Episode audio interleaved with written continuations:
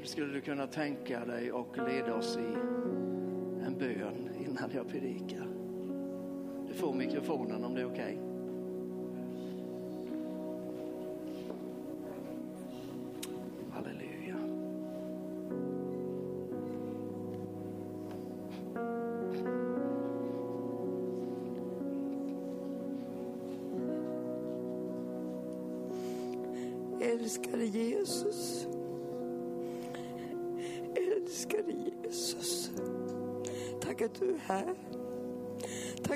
Här med din närvaro.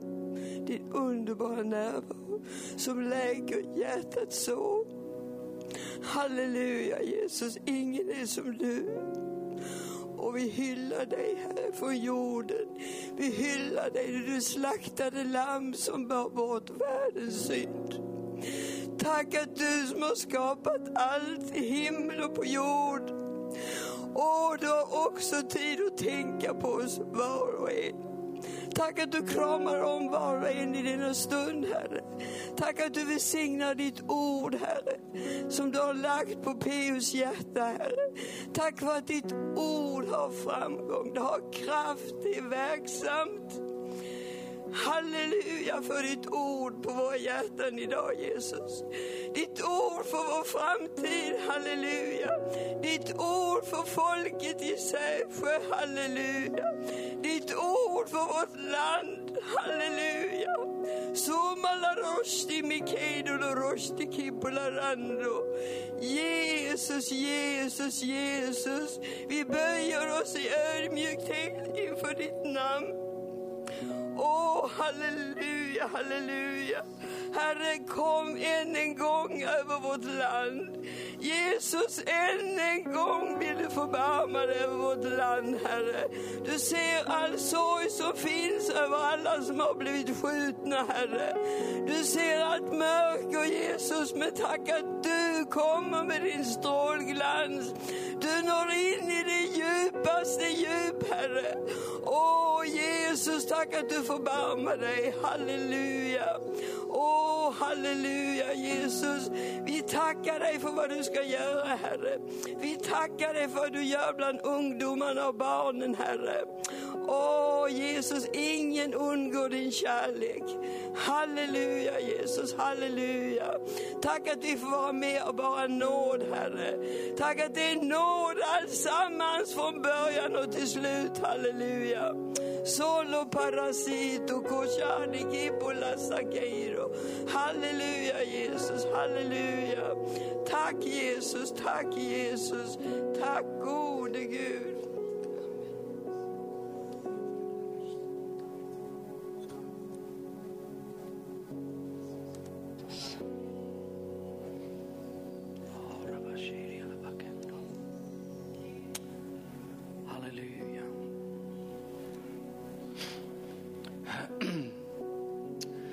Välsignad är Herren Israels Gud som har besökt och återlöst sitt folk.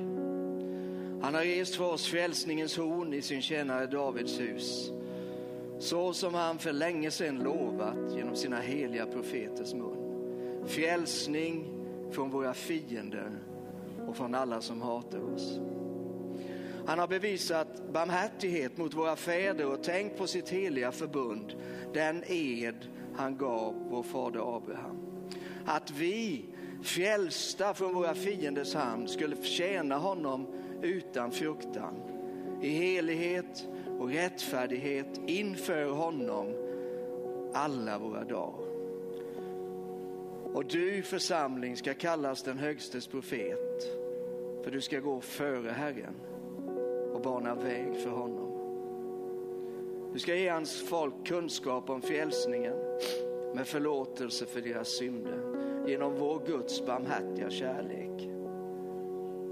Så ska en soluppgång från höjden besöka oss för att lysa över dem som sitter i mörker och dödsskugga och styra våra fötter in på fridens väg.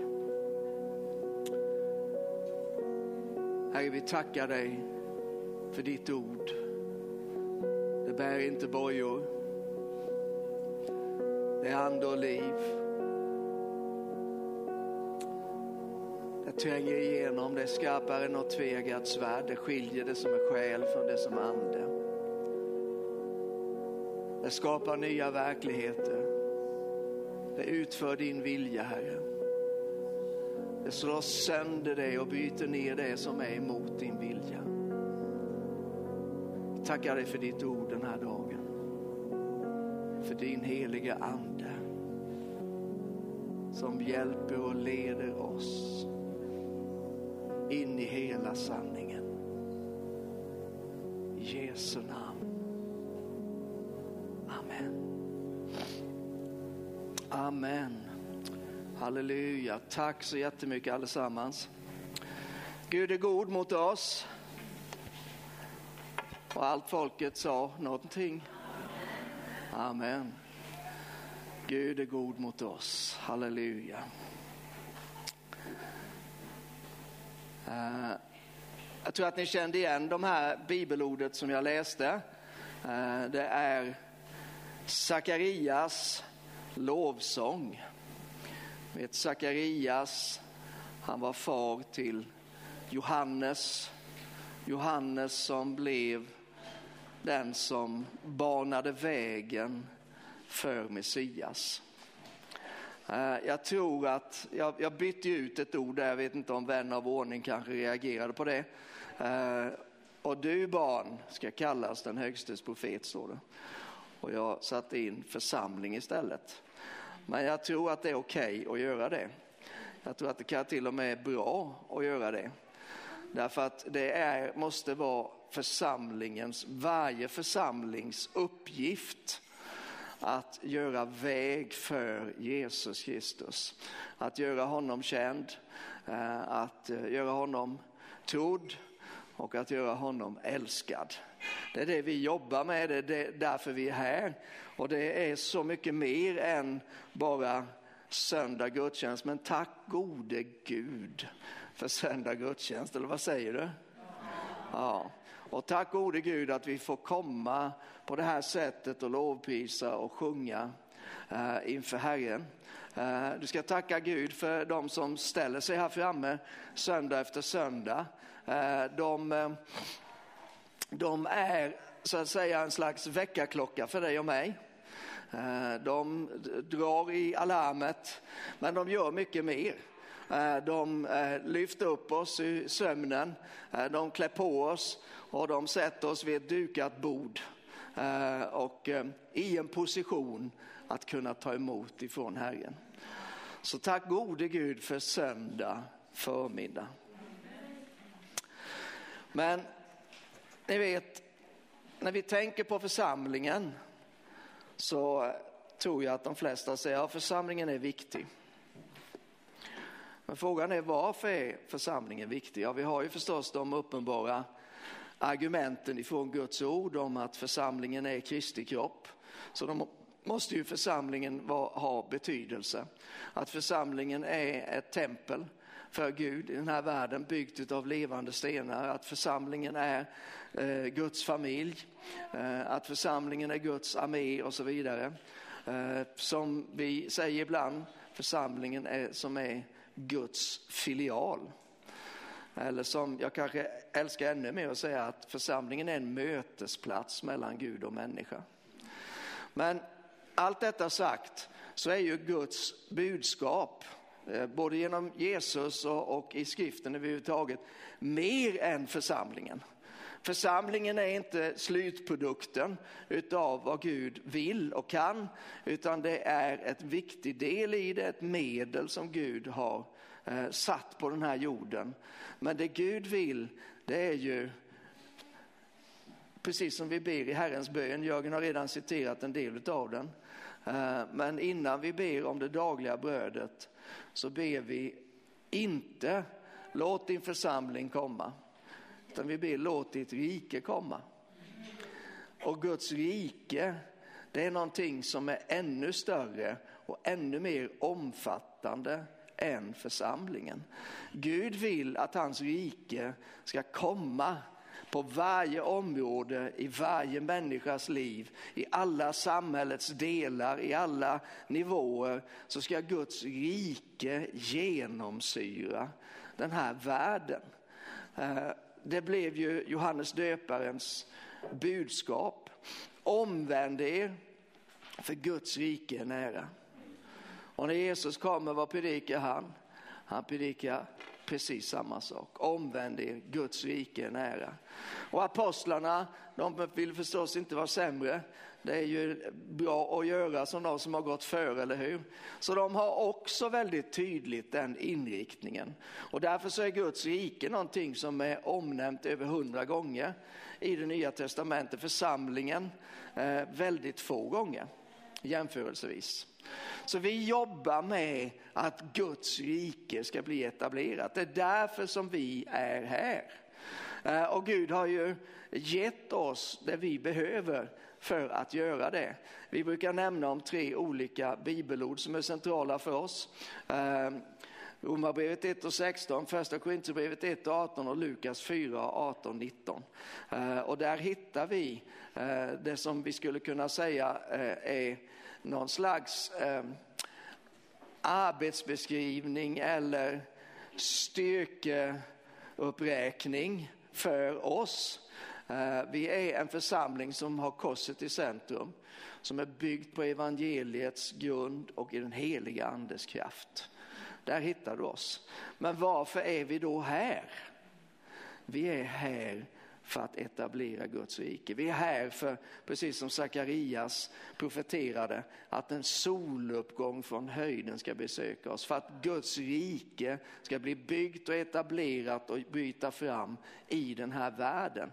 Därför är vi här. Och då är det ju ganska skönt tycker jag att det inte bara innebär att vi har två timmar i veckan på oss, det vill säga söndag förmiddag, utan vi har 168 timmar till vårt förfogande. Allesammans. Det är inte bara jag, det är inte bara du, utan det är vi tillsammans. Det betyder att vi kan verkligen göra någonting. Jag skulle vilja läsa ihop med dig några verser ifrån Jesaja. Eh, det 40 kapitlet. Vi har ju hållit oss i en del bibelord ganska frekvent under ganska lång tid och Jesaja 40 är ett av de bibelorden. Och när man läser Jesaja bok så, eh, och, och tittar lite på hur den är indelad så har den ju fem olika delar. Eh, den första handlar om eh, Jerusalem, den andra om Assyrien som ju är fiende till Guds folk. Eh, den tredje handlar om Guds dom. Eh, den fjärde handlar om den kommande frälsningen och den femte handlar om frälsaren. Lite enkelt, eh, lite förenklat då, men i alla fall så kan man se det. Den fjärde delen den börjar just i Jesaja 40. Så där är liksom ett, ett skifte i riktning Eh, i det som Jesaja talar ut. Och Jesaja, det vet ni, han var ju en Herrens profet som levde ungefär 700 år före Jesus. Men det är han som har gett oss Jesaja 53 följaktligen, som är en sån slående beskrivning av försoningens verklighet. Där Jesus spikas upp på korset, men han, han hänger inte där för sin egen skull, utan han hänger där för vår skull. Eh, och vad som kommer ut av detta. Men om vi läser några verser ifrån Jesaja, det 40 kapitlet, bara lite sakta. Ibland är det bra att skumma igenom en text. Idag ska vi inte göra det. Eh, utan vi ska bara göra lite nedslag. Jag ska inte hålla på jättelänge för vi har en del andra saker på gång med den här dagen. Men när nu det tar, byter riktning här. Det har handlat om dom. För det är ju en, det är ju en viktig del i, i Guds konceptet. Gud är frälsare, men han är också domare. Eh, om han bara vore frälsare så skulle inte frälsningen ha samma dignitet eller samma betydelse, samma avgörande funktion. Men eftersom det finns en dom, eftersom synd finns i världen och synd måste dömas och Gud är den som dömer så är det otroligt betydelsefullt att komma ihåg den delen också. Därför att då kan man titta på frälsningen och säga vad fantastiskt. Gud frälser, han handlar inte med mig eh, efter vad jag förtjänar, utan han handlar med mig efter sin nåd och sin barmhärtighet. Så när han nu har gått igenom domen här, och då är det ju ord och inga visor. Det är liksom inte, ah, det, det, blir, det blir inte riktigt bra här vänner, utan det är bra mycket värre än så. Men när han nu gör det så börjar man att säga så här, trösta Trösta mitt folk, säger er Gud. Det är det som är Guds hjärta. Han vill komma och trösta, han vill komma och lyfta, han vill komma och uppmuntra, han vill komma och hjälpa oss att lyfta blicken så att vi kan se honom och se vad han har och vill ge till oss.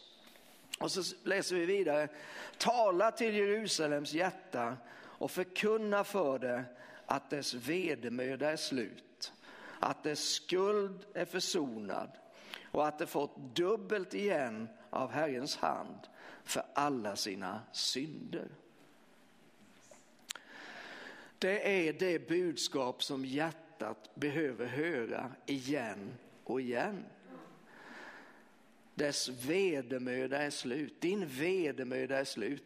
En del kristna är så upptagna med den kommande vedermödan Eh, så att man eh, profeterar ut den i tid och otid. Och nu är det nog vedermödan här, nu har vedermödan och nu är det nära. Det är det säkert. Men det underbara är ju vad som Gud säger här. Det, nu är din vedermöda slut. För det finns en vedermöda som är värre än vedermödan. Och det är ju vedermödan av att inte ha sin sak rätt ställd med Gud. Men har du din sak rätt ställd med Gud, då är den kommande vedermödan, när den nu än kommer och hur den nu än ser ut, så är den någonting som du kommer att klara av. Därför att Gud har frälst dig och syndens vedermöda, den har tagit slut. Din skuld är försonad. Din skuld är försonad, precis som vi sjunger en av de här underbara sångerna som vi, vi, vi får ifrån lovsångsteamet. Min skuld är utplånad, min synd är försonad. Eller om det är tvärtom, jag sjunger allt fel där, men det betyder ungefär samma sak, tröstar jag mig med. Så, så jag tror att eh, det, det är okej okay där. Men det är sant. Jesu blod har renat oss, var och en som har sagt sitt ja och öppnat sitt hjärta för Jesus. Vår synd har blivit försonad. Skulden är utplånad. Eh, den naglades fast i Kristus Jesus på korset för 2000 år sedan och det betyder att den tillhör inte längre oss. Inte bara är syndens straff eller syndens konsekvens bortlyft från oss, utan också syndens makt som sådan, den är bruten. Eh, vi behöver inte synda, det är inte lagbundet, det är inte tvingande. Synden har förlorat den makten över våra liv. Vi kan välja att inte synda. Ibland väljer vi ändå att synda, åtminstone jag. Men det är ändå en sanning att syndens makt har blivit bruten. Så vi inte behöver synda. Och så talar han om att få igen. Och när vi får igen då, vad är det vi får igen? Ja, det är inte för våra synder, för de är ju försonade. Så, så det måste vara någonting annat som han talar om här. Att vi får dubbelt igen. Kanske är det dubbelt igen av det som har gått förlorat. Inte vet jag, för det är det så som Gud framställer det i alla fall. Eh, om vi läser hans ord överlag. Vi kan tänka till exempel på, är det Joels eh, bok, där han talar om eh, årsgrödor som gick förlorade, det är alla möjliga slags insekter, jag kommer inte ihåg vad de heter, gräsätare och gräsbitare och gräsgnagare och gräsätare eller någonting i den stilen. Men allt det som de käkade upp, det ska jag ge igen, säger Gud. Och jag tycker detta är underbart, för ibland kanske du blir lite som jag och tänker, ah, jag, jag har misslyckats. Det blev inte som jag tänkte, det blev inte som jag ville, jag gick fel och nu har jag blivit för gammal eller jag har blivit för, jag vet inte vad, någonting har man blivit i alla fall. Det är liksom så som fienden älskar och plågar varenda människa och säger att du är ett misslyckande. Och det kan vara så att både du och jag, eller kan vara, det är så att både du och jag har ibland misslyckats. Men Gud är så stor att han i sig har förmågan att gottgöra detta, att kompensera detta, att mer än vad som gick förlorat ge tillbaka detta, att ge dubbelt igen. Och så kommer det som blev Johannes arbetsbeskrivning, Johannes döparens arbetsbeskrivning. En röst ropar i öknen, bana väg för Herren, gör vägen rak i ödemarken för vår Gud. Varje dal ska höjas, alla berg och höjder sänkas, ojämn mark ska jämnas, kuperat land blir slät mark. Det var ju så att när en kung skulle komma så eh, förberedde man förstås för det. Jag kommer ihåg hur det var när kung eh, Karl, vad heter han?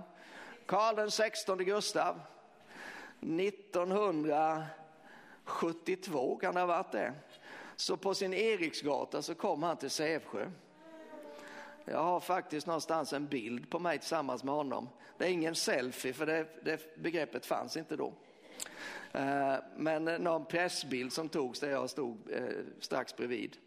Eh, men eh, det jag tänker på det är att det där förs, för, föregicks, säger man, av väldigt noggranna förberedelser. Det var inte bara så att han dök upp här en vacker dag när det regnade och sa tjena, här är jag. Hallå alla örebroare. Utan det var ju månader av förberedelse. Han visste om, han kanske inte tänkte så mycket på det, men det fanns liksom en planering. Och här i Sävsjö så fejades det och pyntades och då var det ju den nya idrottsplatsen, den, alltså den som är idrottsplatsen nu, Hågårdsvallen. Den gjordes i ordning och man kämpade järnet för att få allting tipptopp. Det var kolstybsbanor och allt det här då som var aktuellt på den tiden. Eh, för att allt måste ju vara redo, allt måste vara tipptopp, för kungen kommer. Det är det som den här versen handlar om. Allt är inte automatiskt redo, allt är inte givet i ordning, utan det behöver höjas, det behöver sänkas, det behöver förändras, det behöver ordnas. Och någon behöver komma med det budskapet och någon behöver sätta igång den processen för att kungen ska komma. Det var Johannes döparens uppgift och jag tror att det också är din och min och vår uppgift. Vi bereder marken för att Jesus ska komma. Vi bereder marken för att Jesus ska komma åter på skyarna och hämta sin brud när det, det än är före, under tiden eller efter vedermödan så, så ska han enligt löftena i Bibeln tydligt komma tillbaka. Så vi förbereder för det. Men vi förbereder också för det som vi tror och längtar efter, nämligen att Jesus ska komma i makt och härlighet och bara drabba det här landet med en besökelse en gång till. Det förbereder vi också för. Och det förbereder vi Innan vi förbereder för hans slutliga ankomst så förbereder vi för eh, hans ankomst i det som vi skulle kunna kalla för väckelse eller uppvaknande eller besökelse eller andutgjutelse eller genombrott eller ja, något annat vackert ord. Det förbereder vi för. Det är därför vi är här. Det är därför du är här. Vänd dig om till någon just nu och titta dem djupt in i näsan. Nej, jag menar ögonen menar jag. Och säg, det är därför du är här. Amen.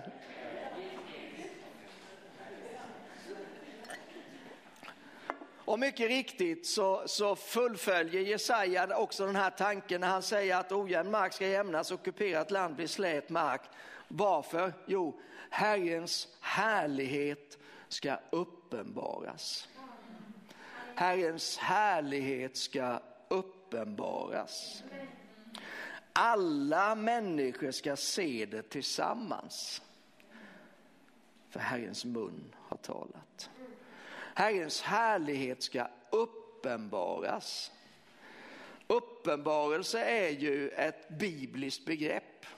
Uppenbarelse handlar om mer än huvudkunskap eller erfarenhet. Det handlar om att den helige ande gör någonting i en människas liv eller i många människors liv där man blir varse någonting som man inte tidigare har vetat. Nämligen att Gud är här. Gud är här. Herrens härlighet ska uppenbaras. Ja, man kan bara ta en sån där, de där orden och bara gå omkring och njuta av dem. Herrens härlighet ska uppenbaras. Han har talat om domen, men det är inte det som är huvudbudskapet eller slutbudskapet. Domen ska komma, men Herrens härlighet ska uppenbaras. Alla människor ska se det.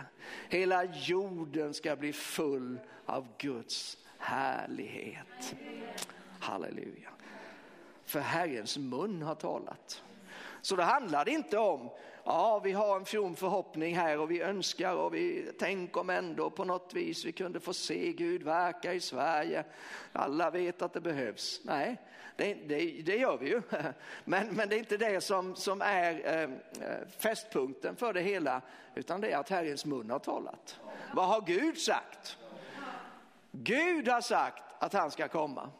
Gud har gett sina löften. Gud som inte kan ljuga. Han har sagt till oss att han kommer att komma. Herren kommer. Herren kommer. Herren kommer. Herren kommer.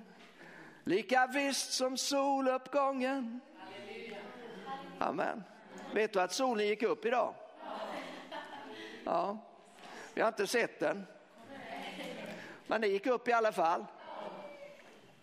Lika visst kommer Herren att komma.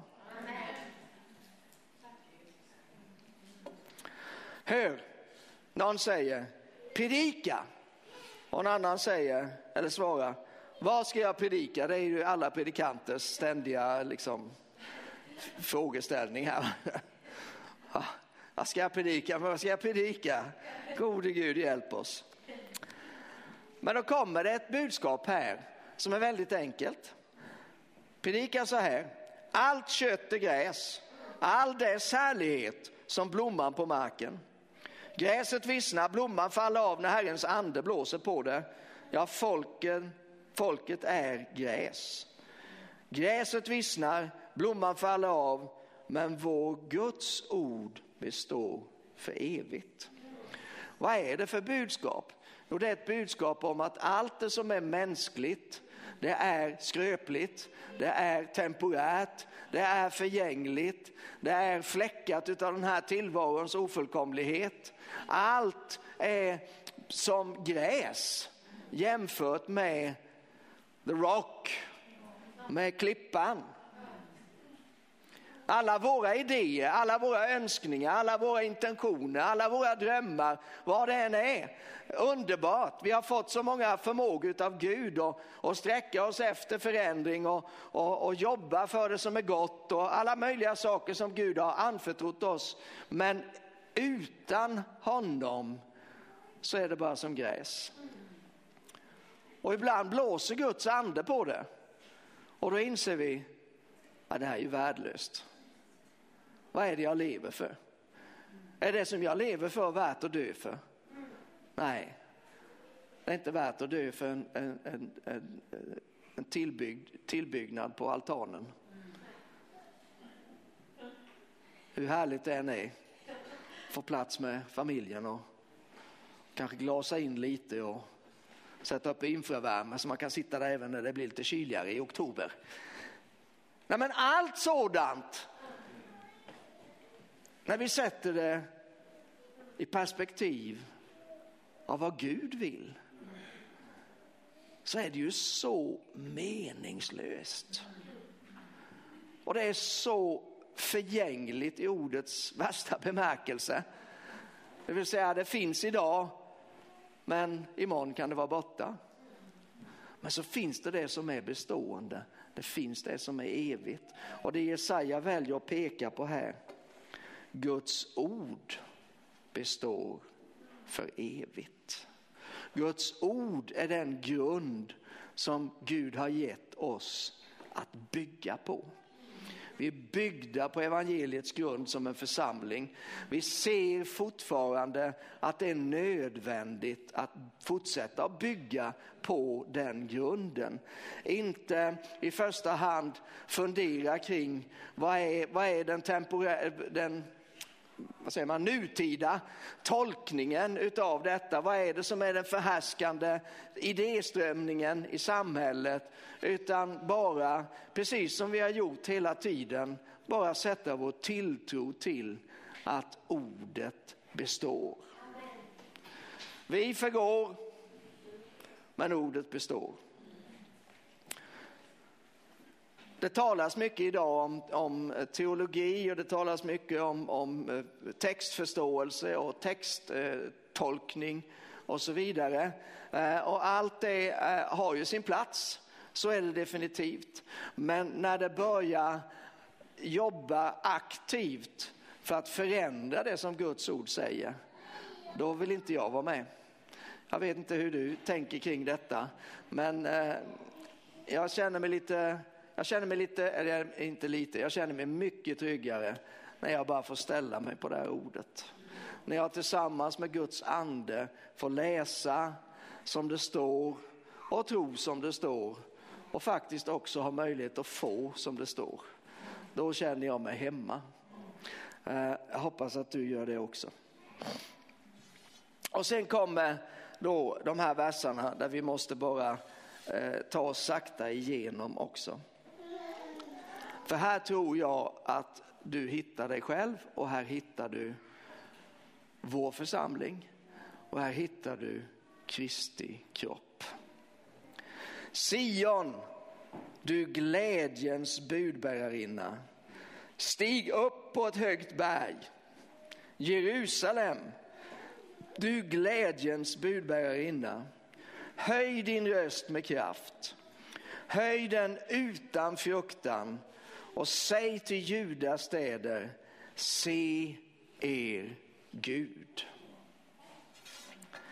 Den här versen, det var bara en va? Ja det är det. Om vi säger så här, Sion och Jerusalem som det talas om här. Sion är ju en del av Jerusalem Eh, Sions berg känner du igen. Det fanns ett litet tag en församling i Jönköping som hette Sions berg. Jag tycker det är ett fint namn på en församling.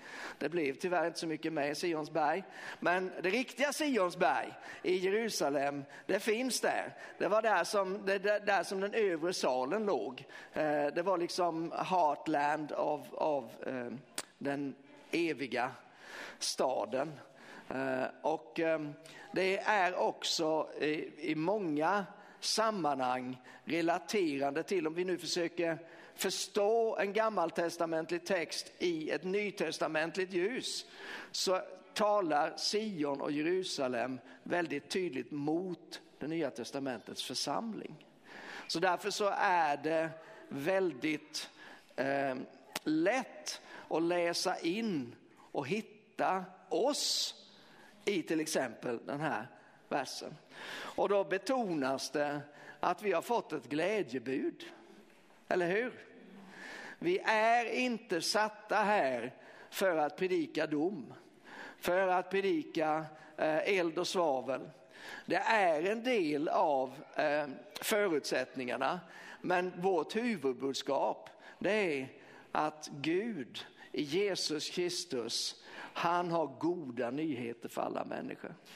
Det finns ett evangelium. Vet vad det betyder, vad evangelium? Goda nyheter eller glatt budskap. Det är det som vi har fått, det är det som vi vill förmedla. Eh, de flesta människor, de är, även om man lever i, i en slags eh, självförnekelse till ett visst mått och kan drabbas av lite självrättfärdighet ibland. När man jämför sig med andra och tycker jag är väl inte sämre än någon annan. Så lever ändå alla människor med en någonstans en vetskap, en övertygelse om jag räcker inte till. jag är, jag, jag, jag håller, det, håller liksom, det håller inte hela vägen. Så människor har det med sig. Och så försöker man förstås på olika sätt att kompensera det. Man kan göra det genom att, att skärpa sig. Man kan göra det genom att vara framgångsrik. Man kan göra det genom att, att fly från det genom droger eller någonting annat. Men grundläggande är det samma problem. Det finns någonting som är otillfredsställt och någonting som man känner det här, det ska inte vara på detta sättet. Och så försöker man göra någonting åt det. Glädjebudet som du och jag har fått, det är ja, det stämmer, men det finns en fullständig förvandlande lösning på det här problemet. Och den lösningen är en person och hans namn är Jesus. Och han älskar dig så mycket att han dog för dig och han kan rädda dig och han kan ge dig det här livet som förutom att det räcker ända in i evigheten som också är det liv som du har längtat efter och drömt om. Så församlingen har ett glädjebud och så ger det oss två olika uppmaningar i den här versen. Och det ena är stig upp på ett högt berg. Det vill säga se till att skaffa dig en plattform. Man vet ju att om man vill nå långt, säg att du vill se långt till exempel, så går du inte och ställer dig nere i en dal omgiven av höjder runt omkring. Ja, du kan se sluttningarna men sen ser du inte längre. Vill du se långt så ska du upp på ett berg. Och så är det ju med, med um, genomgående genom Bibeln att det verkar som Gud kallar alla möjliga människor upp på berget. Han säger till Abraham att han ska gå upp på ett berg och så säger han se dig omkring från den plats där du nu står åt söder, öster, väster och norr och tittar dig omkring. Ser du nu? Ja, jag ser mycket, sa Abraham. Allt som du ser, jag har gett till dig. Han kallar Mose upp på berget och där blir en uppenbarelseplats, där blir en mötesplats mellan Gud och människa. Han, han kallar igen och igen Jesus, ser vi hade för vana att gå upp på berget. Han tog med lärjungarna upp på berget. Vad är det med berg? Ja, det är inte bara så att man kommer några meter över den vanliga tillvaron, vilket i sig är välgörande, att man kommer några meter närmare himlen. Men det, är, det, är, det, är, det talar på ett mer allmänt, eller ska vi säga symboliskt plan, så talar det om att stiga upp, att lyftas över någonting. Eh, och det tror jag är väldigt betydelsefullt. Vi, eh, eh, vi har ju inte så mycket berg här i Småland. Vi har Tomtabacken, vad är det, 294 meter över havet. Eh, det är inte så mycket att yvas med eh, när man kommer på andra, de flesta andra ställen i världen utom Danmark förstås. Där är det ju superhögt. Men, men, men det är ju inte, det är inte, det är inte själva grejen där utan det är att vi behöver komma bort ifrån någonting. Vi behöver stiga upp och komma över någonting. Vi behöver få perspektiv på saker och ting. Eh, men det är också när man vill nå ut så behöver man se till att komma upp. Att, för vad, vad, är, vad vill Gud? Ja, Gud är fullständigt nöjd med att du och jag i, i vår vardag, att vi möter människor en och en. Och så går Guds rike framåt. Och det är den absolut bästa evangelisationsmetoden. Den är vida överträffar alla kampanjer och mötesserier och allting. Eh, därför att det blir på riktigt. Evangeliet blir kött och blod genom dig och mig. Eh, och det eh, har en sån eh, stark effekt på dem som möter det.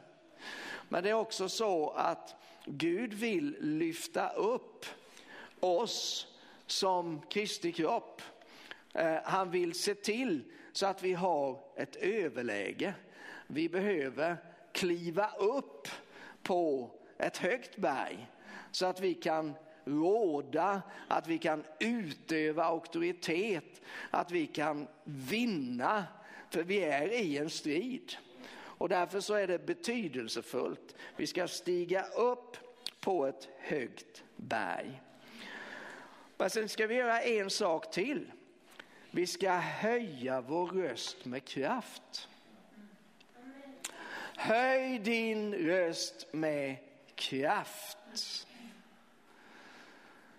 Det är alltid intressant det där med volym. Jag tänkte på, jag, jag, jag hade ett, eh, jag undervisade ett team eh, eh, från Livets Ord. Impact Team heter de, underbara ungdomar som reser runt och predikar på heltid då. Eh, och de hade precis varit i Kosovo eh, och ehm, eh, så hade de kommit till Bulgarien och så hade jag ett par timmar med dem och så, så har jag bara träffat dem lite händelsevis sådär så vi började med lite presentation och så skulle jag berätta lite, hade de bett mig att berätta om liksom, hur jobbar vi med mission, vad har hänt och så vidare.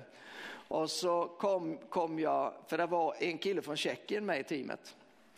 Eh, och så kom det därhän att jag började berätta om när vi gjorde en massa missionsresor på 90-talet. Då kom jag att tänka på, jag tror att en del av er var säkert med då, vi var i Tjeckien och gjorde några kampanjer eh, eh på våren ett år, 94. Ja. Det var samma år som vi åkte till, till, till Makedonien sen. Bara ett par månader senare. 93, tack. Det är bra. Eh, I vilket fall så kom vi till eh, så kom vi till en stad som heter Karlovy eller Karlsbad hette den. Eh, tidigare, eh, tidigare ligger ganska nära Östtyskland. Eh, och där satte vi upp eh, en stor ljudanläggning och så började vi förbereda för att vi skulle damma på ordentligt med sång och musik och evangelium. Eh, och eh, medan vi höll på där och soundcheckade, det var ju en inhyrd ljudfirma, hårdrockare, tjeckiska hårdrockare, ni kan bara tänka liksom vilken sorts ljud, ljudkvalitet det var. Det var kvantitet över kvalitet kan man säga. Men då, då, när de håller på att soundchecka så lägger jag märke till en människa som går ganska långt bort och som så här demonstrativt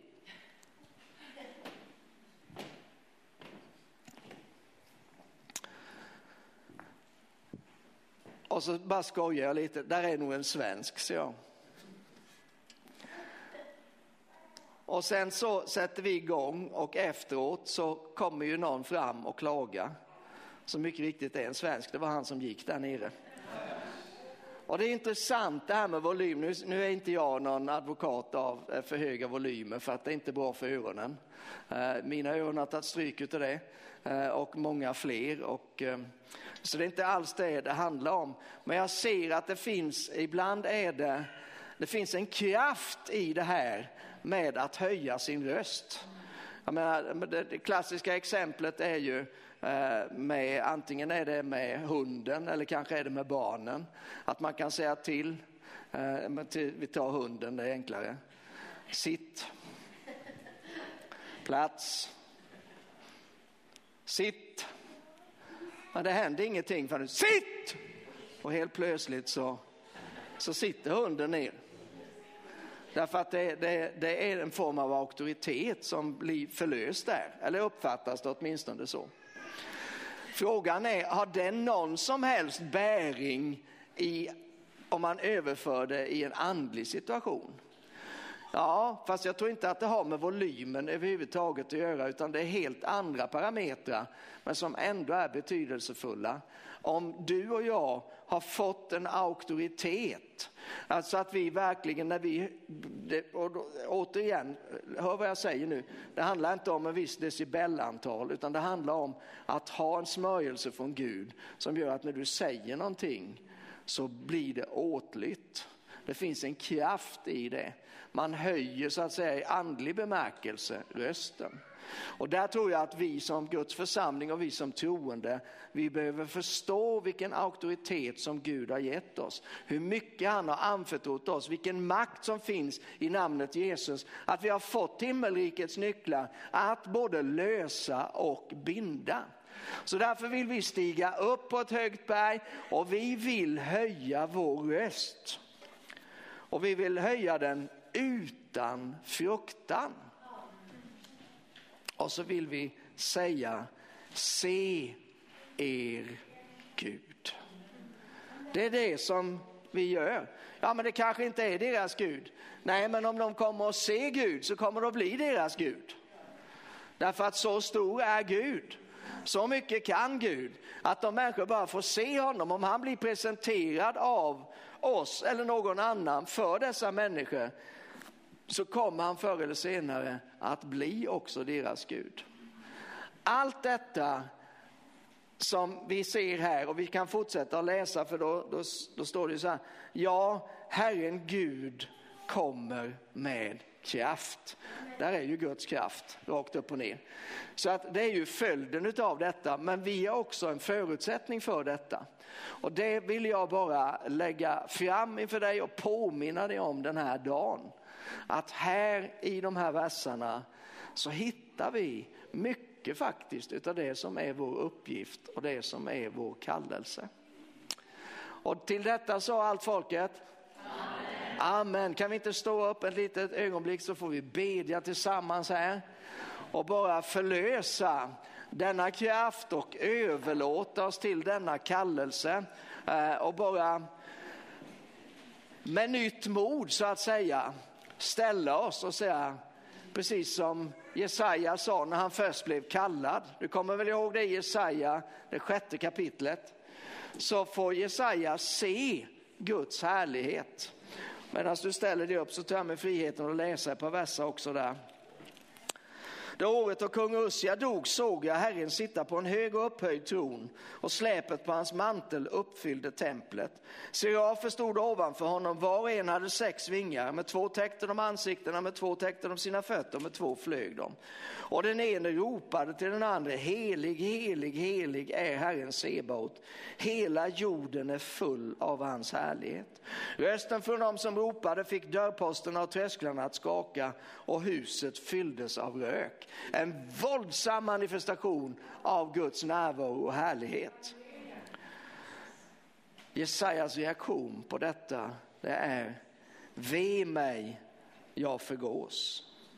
Jag är en man med orena läppar, jag bor bland ett folk med orena läppar och mina ögon har sett kungen, Herren Sebaot. Då flög en av seraferna fram till mig. I hans hand var ett glödande kol som han hade tagit från altaret med en tång.